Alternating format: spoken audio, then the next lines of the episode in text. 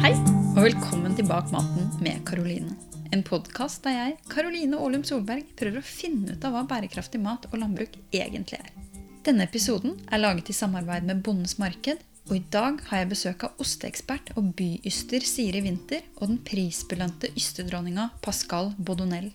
I denne episoden snakker vi om kvalitet i melk, om hvorfor Siri og Pascal velger å bruke upasteurisert melk når de lager ost. Vi snakker om budeikultur, seterhistorie og ystetradisjoner i Norge. Siri har jobba med ost i mer enn 25 år og er en ekte osteelsker og ostenerd. Hun har bl.a. vært osteansvarlig i Meny, der hun jobbet tett med produsenter i hele landet. De siste årene har hun vært dommer i både World Cheese Award og Norgesmesterskapet i ost. Nylig startet hun Vinteraker Brygge, som er en restaurant, matbutikk og Oslos første byysteri. Pascal er en fransk-norsk yster som i mange år har kjempa for å lovliggjøre bruken av upasteurisert melk. Hun har opp gjennom årene vunnet mange priser for innsatsen sin, bl.a. prestisjetunge Ingrid Espelid Håvigs matkulturpris. Pascal er en av budeiene bak Unteredal Stølsysteri og initiativtaker til organisasjonen Norsk Gardsost.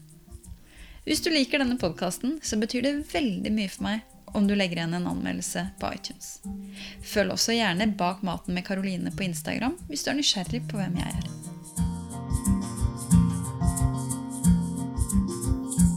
Hei, Siri og Pascal. Veldig, veldig hyggelig å ha dere her. Jeg har lyst til å, å gå rett på ost, jeg. Ja. Jeg vet dere Dere er jo begge to veldig, veldig opptatt av ost. Hva er, hva er det med ost, egentlig? Ost eh, for meg dreier seg mye om lidenskap. Eh, og jeg er også utrolig fascinert av hva man kan lage av råvaremelk. Hva som springer seg ut i eh, alle mulige retninger i forhold til ostetyper og smaker og varianter. Så, og menneskene bak osten. Det var det jeg mente med lidenskap. Det ligger vanvittig mye jobb i det. Mm. Men jeg vet at du har en lang familiehistorie med ysting også. Det har kanskje også noe å si? Ja, det er klart det betyr kjempemye for meg at både mormor og oldemor og tippoldemor har drevet med ysting. Jeg skulle gjerne ha skrudd tida tilbake og sittet på fanget og intervjua og fått lære mer. Så det syns jeg er trist. At jeg ikke har fått mer av kunnskapen direkte. Mm. Pascal, hva med deg? Hvorfor er du så opptatt av ost?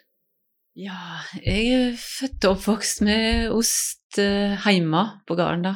Jeg melka kyr for han da jeg var ti år og hadde rommet mitt over i ysteriet, så jeg hørte separatoren tikke om morgenen.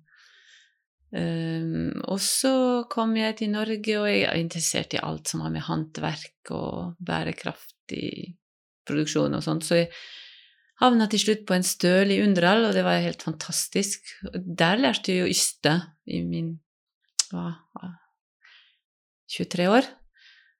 Og så, etter en stund, så kom Mattilsynet og sa at vi ikke fikk lov til å gjøre dette lenger. Og da ble jeg veldig provosert, for dette er noe vi har gjort i generasjoner. Og, og dermed da begynte jeg å interessere meg for faget, da. At jeg måtte lære om faget for å kunne forsvare en empirisk, gammel tradisjon. Mm. Og da begynte ballen å rulle. Så har jeg liksom jobba mer og mer med ost og oppdaga at det var jo store, store hull i kunnskapen i småskala, om småskalaysting i Norge. Så da ble det bare en interessant livsoppgave. Mm. Vi skal komme inn på den kampen du snakker om nå straks, men jeg, jeg, har lyst til å begynne med noe annet først. For hvis vi går 20 år tilbake i tid, så var jo folk veldig opptatt av eh, fransk ost her i Norge. Og ingen tenkte egentlig på, på, norsk ost som noe som hadde kvalitetsstempel i det hele tatt. Og nå, nå, har vi jo på en måte kommet dit hvor norsk ost er i verdenstoppen, og stadig flere nordmenn eh, begynner å få øynene opp for det her, da. Eh, Pascal, du er jo fransk. Hva, hva har du tatt med deg fra fransk ostekultur som har eh, etablert seg her i Norge? Jeg har tatt med meg masse kunnskap om småskala gardsysting. For når jeg kom til Norge, så var det jo en god del småskala gardsysting, men den var, helt, den var ikke utvikla videre til vår tid. Mens franskmennene har vært grådig flinke. Til, de har, de har utvikla industri, men de har også utvikla småskala ystinger parallelt og det er en stolt og flott næring som er godt støtta av både rettledningstjeneste og Så jeg er med i det franske kollegiet for uh, rettledere i gardsysting. Det er de som da reiser på gårdene og hjelper folk å yste, og så hjelper de med alle problemene og uh, og hjelper de å lage god ost. Så jeg er med der, og er med på et møte en gang i året hvor vi besøker en ny fransk osteregion og har oppdatering i all kunnskap, all forskning som er gjort på området. Og så jeg har fulgt med veldig på det som skjer der, og tatt med den kunnskapen til Norge og starta kurs for å oppgradere budeie-tradisjonen, som har på en måte overlevd eh, i mange år, trass i at den har vært forsømt 100 Prøvd å være brobygger, kan du si, mellom en veldig flott uh, budeie-ystetradisjon som har gått for lut og kaldt vann og vært nærmest forbudt, og det er ikke akkurat utviklende. Uh, og så har jeg da prøvd å bygge det opp for å møte vår tid, og møte ja, Mattilsynet og de som bestemmer, som ikke har hatt forståelse for den kulturen. Mm. Men likevel så, så, har du jo fått mye anerkjennelse for at du har tatt denne kampen. Og i, i 2015 så fikk du Aulandsprisen for, for nettopp denne innsatsen du, du, snakker om her. Jeg har lyst til å lese et sitat fra juryen, som er fritt oversatt fra, fra nynorsk av meg.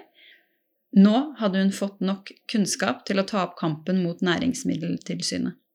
Det var stor uenighet og kulturskille mellom budeie-kunnskapen og teorikunnskapen i Næringsmiddeltilsynet. Etter 13 års kamp, fra 1990 til 2003, var Undredal stølsysteri, som første i Norge, godkjent for upasteurisert geitostproduksjon. Undredalsosten var redda, og med det hele den norske ystetradisjonen. Jeg får litt frysninger når jeg, når jeg leser det her. Du har virkelig jobba hardt. Hvorfor har det vært så viktig for deg? For meg har det handla om rettferd. Det har provosert meg grenseløst at noe så fantastisk og viktig som det å foredle mjølka fersk fra dyra, ble på en måte kriminalisert. Så det var for meg en rettferd og fridomskamp. Det ligger veldig sterk. Og jo vanskeligere det ble, jo mer eh, slåss jeg, for å si det sånn. Mm. Men nå har vi jo snakka om litt Eh, nå har vi jo snakka litt om hvordan du, Pascal, har jobba um, for at vi kan bruke upasteurisert melk. Men, uh, men jeg, jeg, føler vi trenger litt forklaring her. Kan ikke du, Siri, hva, forklare? Hva, hva, er egentlig upasteurisert melk? Upasteurisert melk, råmelk, det er jo at vi foredler melka rett fra, som Pascal sier, rett fra dyret eh, uten at vi varmebehandler eller behandler det på en annen måte. Så det, for meg så er det en veldig god måte på å få ut smaka i melka. Eh, og også ta vare på Jeg sier litt sånn historien rundt da, at kua som beiter i Lofoten, har en helt annen melk enn den kua som beiter Vi får melka vår fra Grøndalen gård. Det er et helt annet landskap, helt annet beite. Og smaker selvfølgelig forskjellig. Og det har vi så lyst til å få frem når vi lager ost. Derfor så jobber vi da med råmelk upasteurisert. Jeg syns jo sånn i forhold til uh, Hadde jeg hatt mulighet da, til å kjøpe råmelk uh, på butikken eller et utsalg, så hadde jeg jo kjøpt det til barna mine. Når vi er på gården og de får den melka, så er det den beste melka de vet om. Men, men, men hvorfor det? Eh, det har noe med De har jo også smakt melka gjennom sesongen. Så de beskriver jo de forskjellige smakene også. Nå er nok de litt mer opptatt av mat enn de aller fleste barn. Men eh, det å ha sønnen min på ti år, da, som får smake melk fra to forskjellige kuer, og sier 'mamma, den er søtere, den smakte litt mer fett', det er jo vanvittig opplevelse. Eh, og den får man ikke på en annen måte. Men hvorfor er det så omstridt, egentlig? Pascal, kan du, kan du forklare? Ja, det er en lang historie. Det er en kulturell historie. Um, og det er en industrihistorie. Altså, jeg mener at det først og fremst er en Ja, i, i en tid i, i 30-40-åra når tuberkulosen var en reell problem i Norge, så har kanskje pasteurisering vært med på å begrense spredning av tuberkulose. Men den sanningen der, som er en sanning, har blitt oppheva til å være, bli en stor myte, som er blitt på en måte utrolig stor og viktig. Så viktig at han i dag, hvor, når tuberkulosen er nesten utrydda fra Norge, fremdeles brukes som hovedargument. Så det Ja, jeg har grubla veldig mye på dette her, og jeg tror for å få et godt svar, så må vi Jeg har tenkt at for å få et godt svar, så måtte vi hatt en som tok en doktorgrad i sosial antropologi, og kanskje mm. da greide å finne et godt svar. Fordi det er veldig, veldig pussig hvordan mjølk, som er på en måte ren, fersk, eh, fantastisk råvare Og det står jo på Tine-bilene sånn Kanskje verdens fineste mjølk. Mm. Og det er den.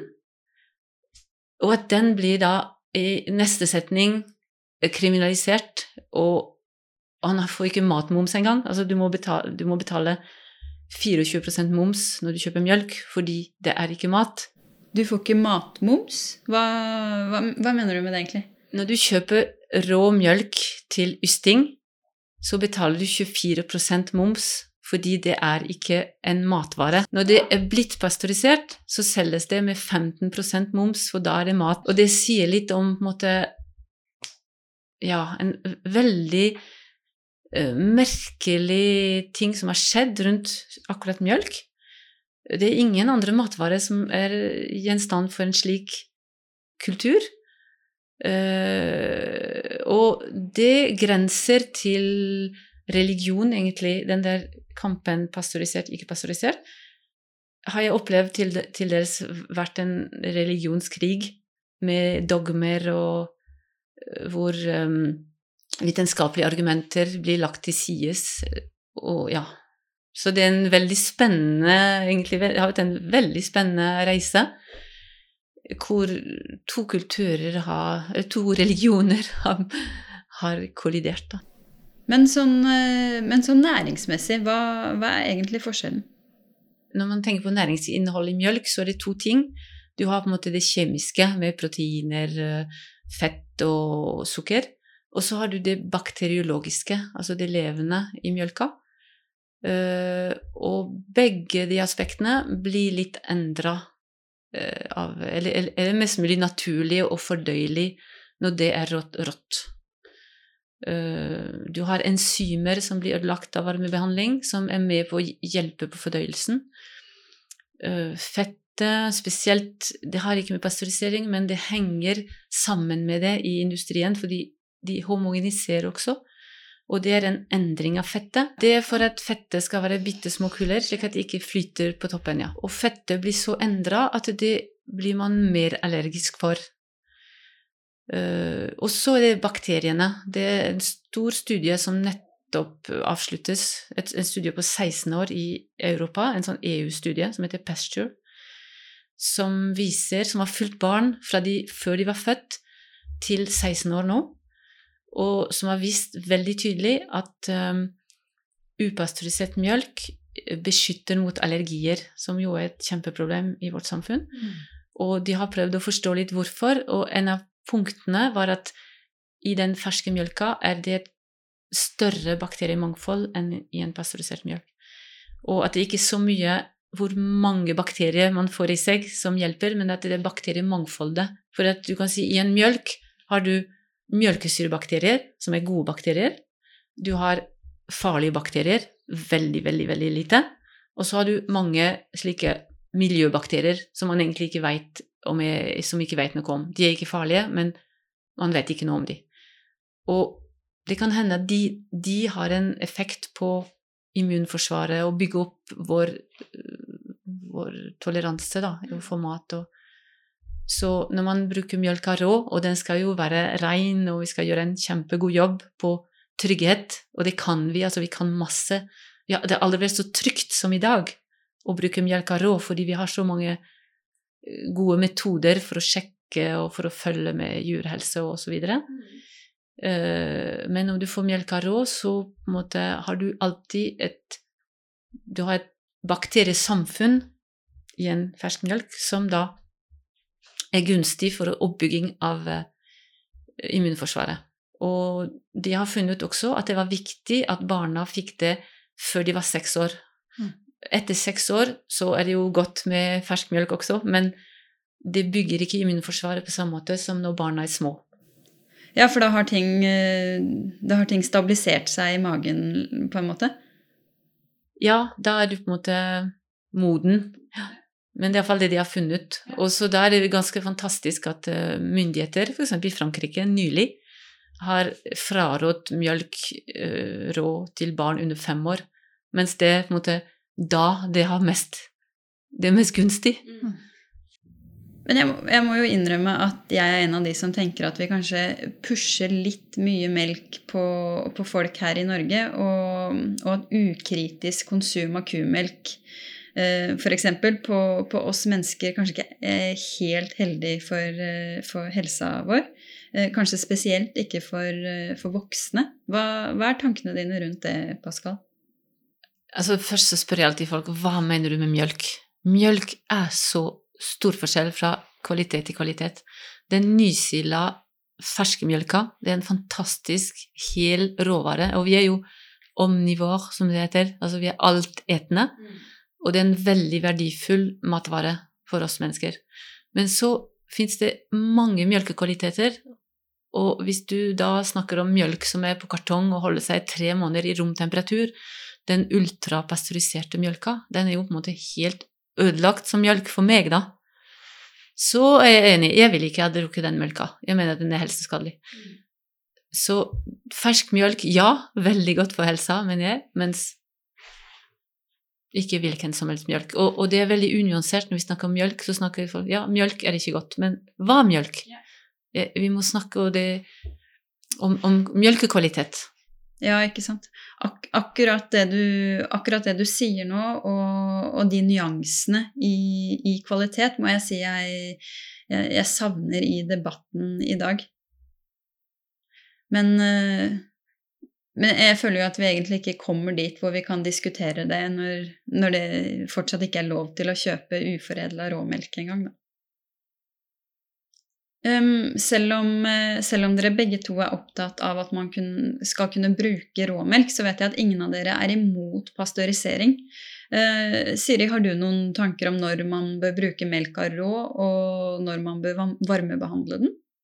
Um, ja, hva vi velger å jobbe med, da, som ønsker å jobbe med upasteurisert melk, i forhold til identiteten til melka og uh, smaken i råvarene, så er det noe som er helt riktig for oss. Og mens andre igjen ønsker å pasteurisere, og da er det riktig for dem, tenker jeg. Så, og det er i altså osteverdenen i Norge som jeg har møtt gjennom mange, mange år. Jeg har aldri opplevd en større raushet i forhold til produksjon. Eh, de har en delings... Eh, ja, raushet igjen. De, de deler, eh, de viser, de jobber sammen, de diskuterer, og det er på tvers av om, er, om man jobber med upasteurisert eller pasteurisert melk.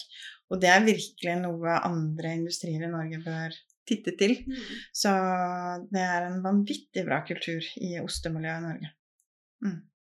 Det jeg har sett gjennom de 30 åra jeg har jobba med ost og mjølk, det er at pasteurisering er en del av en industriproduksjon og hører til der. Altså de ulykkene jeg har sett, det har vært enten upasteurisert industrielt eller pasteurisert i småskala. Ja. En, en upasteurisert ysting er på en måte mer robust, og du, du beveger deg mindre på en knivsegg fordi at hvis du får en gjensmitte i pasteurisert ysting, så kan det være veldig alvorlig. Det har vi sett. Den alvorligste ulykken vi har hatt i Norge på småskala, har vært en pasteurisert ost. Så for meg er det på en måte det som i store trekk passer sammen. Det er upasteurisert småskala og pasteurisert industri. Men så kan du jobbe på tvers av det, selvsagt. Nå var det mer sånn overordna um, logikk. Ja. Mm.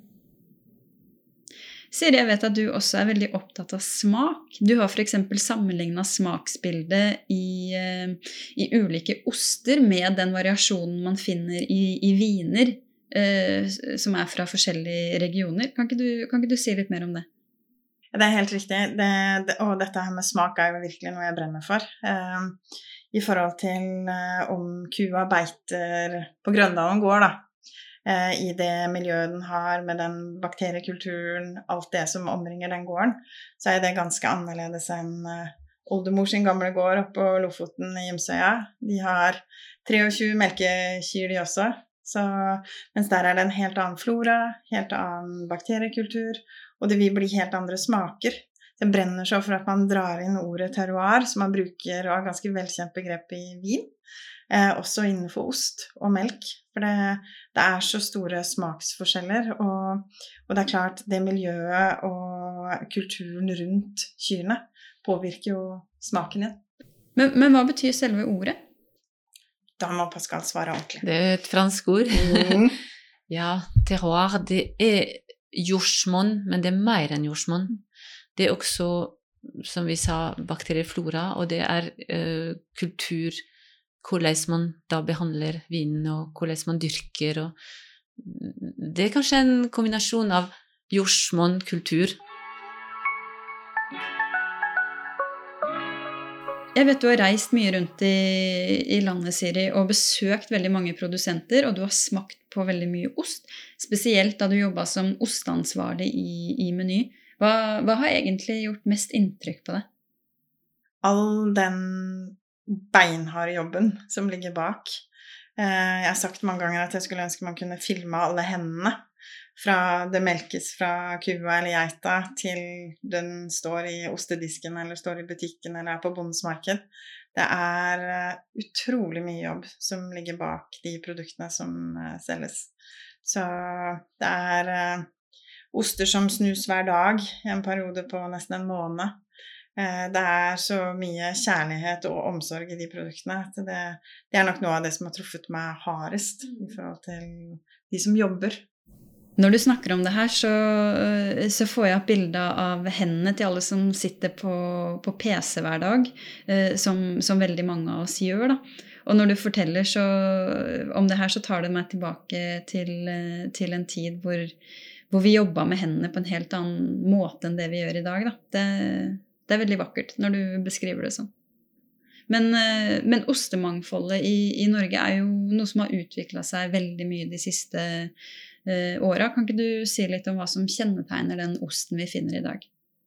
Det som kjennetegner mye av liksom ostelandet Norge, syns jeg er en vanvittig dybde og variasjon.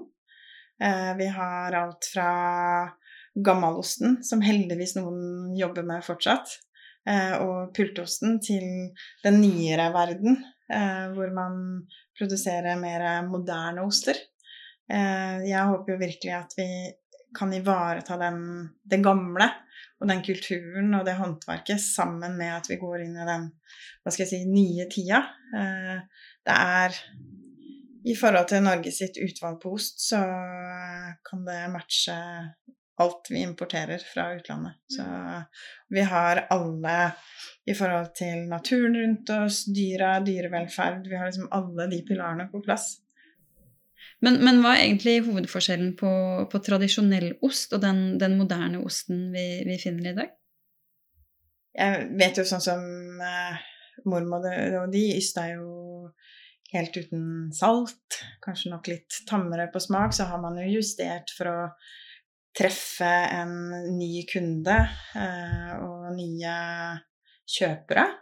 Hvem er, hvem er, denne nye kunden? Det er eh, alt fra unge mennesker til eh, godt voksne mennesker som prøver til norske oster. Det er mange fortsatt som ikke kjenner til det utvalget som fins i Norge.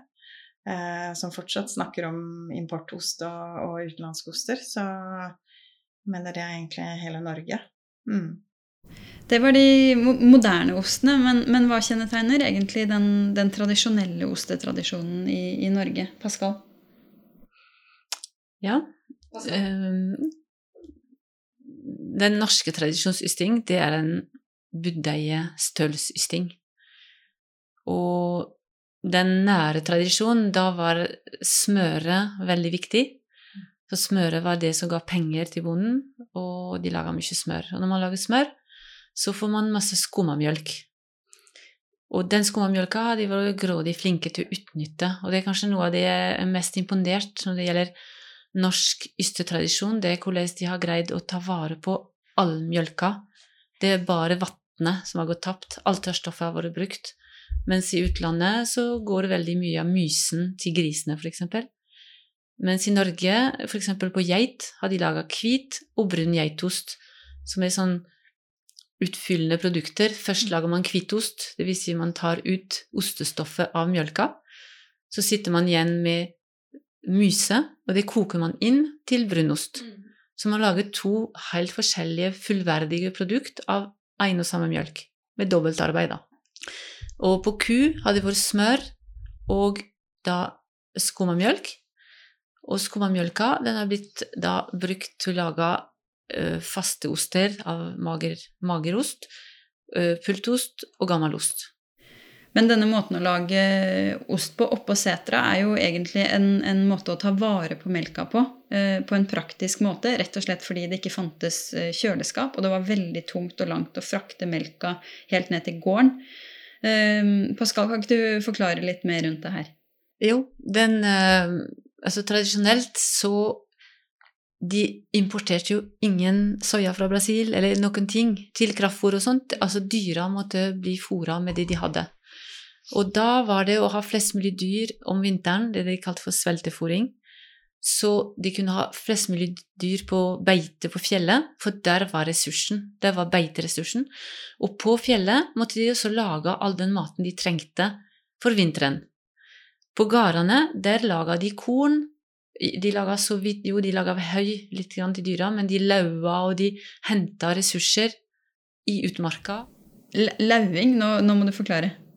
Lauing, det er å uh, kutte greiner fra trærne laga det vi kaller for kjerv, lauvkjerv, dvs. Si bunter av greiner med lauv på, som ble tørka, og så var det da brukt som fôr om vinteren.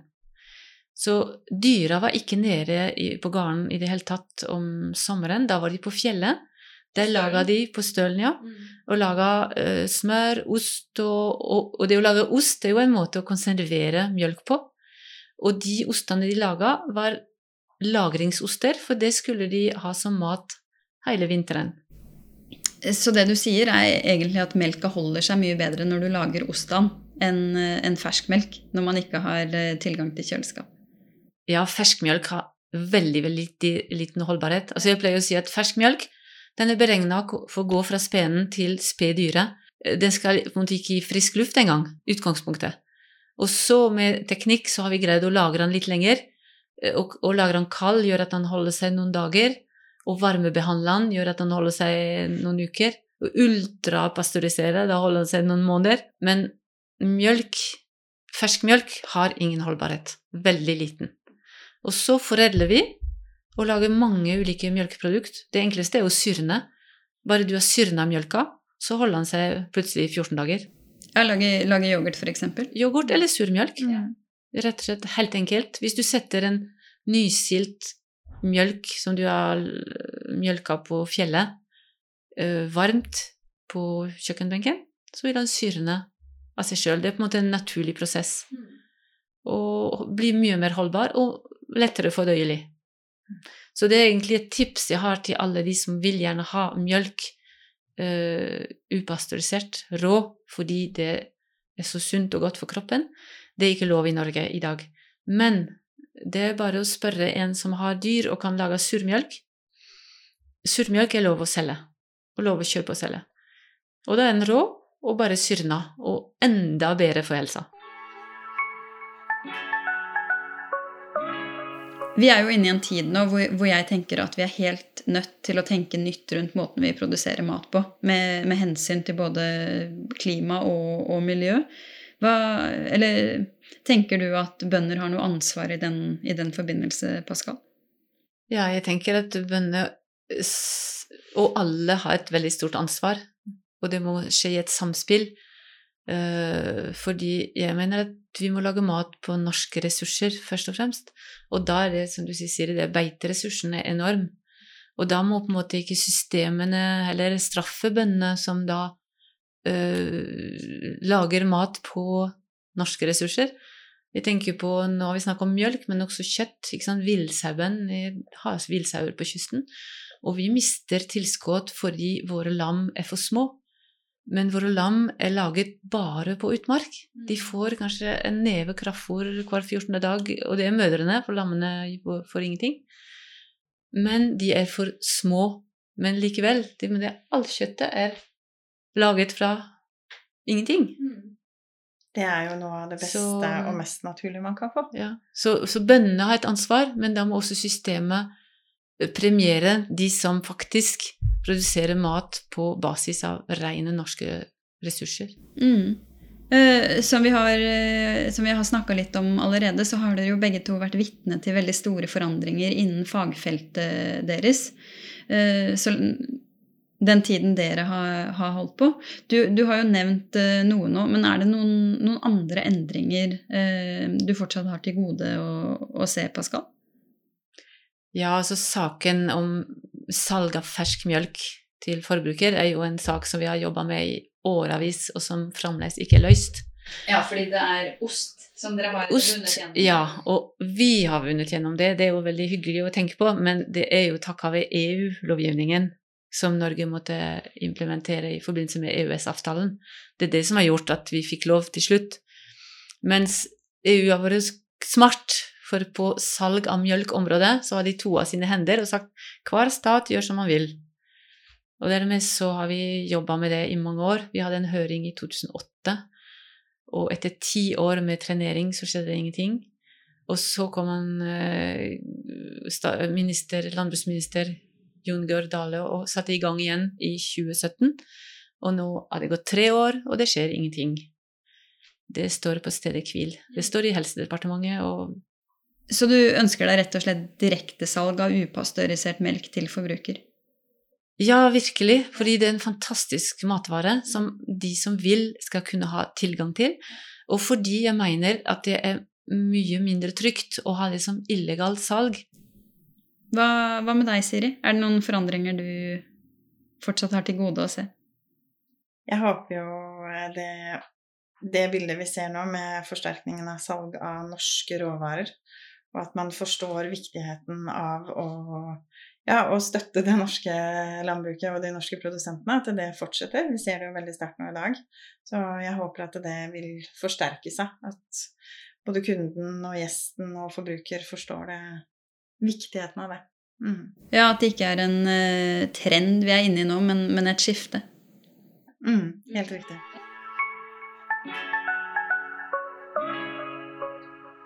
Vi er nødt til å begynne å, å gå inn for landing, men jeg, jeg har noen faste spørsmål jeg, jeg bruker å, å, avslutte med. Det første er hva, hva betyr bærekraftig mat og, og, landbruk for deg? Siri? Eh, jeg syns jo det er fantastisk med de melkekyrne vi har i Norge, bl.a. NRF. Norsk rødt fe, den gir melk eh, til eh, oss hele livet og er et av de beste kjøtta, altså kjøttet man kan spise. Så det at den har en dobbeltrolle, det er, eh, det er viktig å formidle, og det er en kunnskap eh, jeg opplever at du få vet. Så det er noe av det beste kjøttet vi kan få. Det er sterk bærekraftig for meg. Det at kua kan beite i utmark, at geita sauen kan beite i utmark, det er bærekraftig. Og vi har et mangfold i Norge som er kjempestort. Så, så er jo bærekraft har blitt et veldig motord. Det tror jeg er viktig at man individuelt setter seg inn i hva, hva, det betyr, da. Hva betyr det for meg? Hva betyr det for de rundt meg? Hva er det egentlig? Det, det tror jeg er viktig. Mm. Hva med deg, Pascal? Ja, det er litt av det jeg sier også, da, med å lage mat på basis av lokalressurser. Så når jeg kom til Norge, så var jeg vegetarianer. Altså jeg er født og oppvokst vegetarianer og har stor forståelse for det. Men så kom jeg på, kom hit, og så fant jeg ut at eh, det var ikke mulig å være vegetarianer og sjølberga her. Så begynte jeg heller å gjøre forskjell på kjøtt. Altså at jeg eter all kjøtt som er produsert på lokale ressurser og utmark. Og minst mulig av de andre. Og i det hele tatt, kjøtt er for meg litt luksus, som vi eter lite av. Setter veldig pris på, men som er um, Som på en måte er litt luksus. Og jeg tenker at veldig polarisert, denne kjøtt-ikke-kjøtt-debatten. Jeg tror hva slags kjøtt vi eter, er mye viktigere å snakke om Mm. enn om vi skal ete kjøtt eller ikke. Mm. Ja, helt, helt enig. Og, og helt til slutt, hva, hva gir dere håp?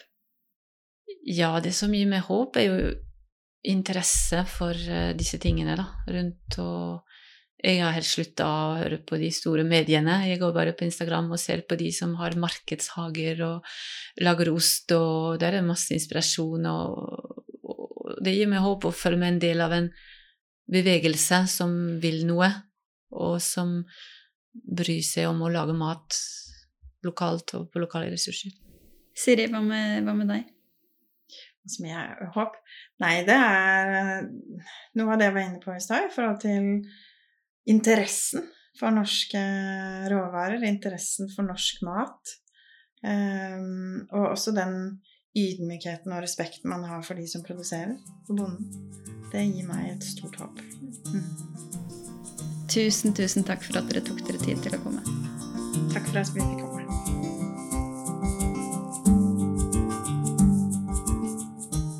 Episoden er laget av meg, Karoline Aalum Solberg, i samarbeid med Bondens Marked. Musikken er produsert av Creo og Lie Rosefer.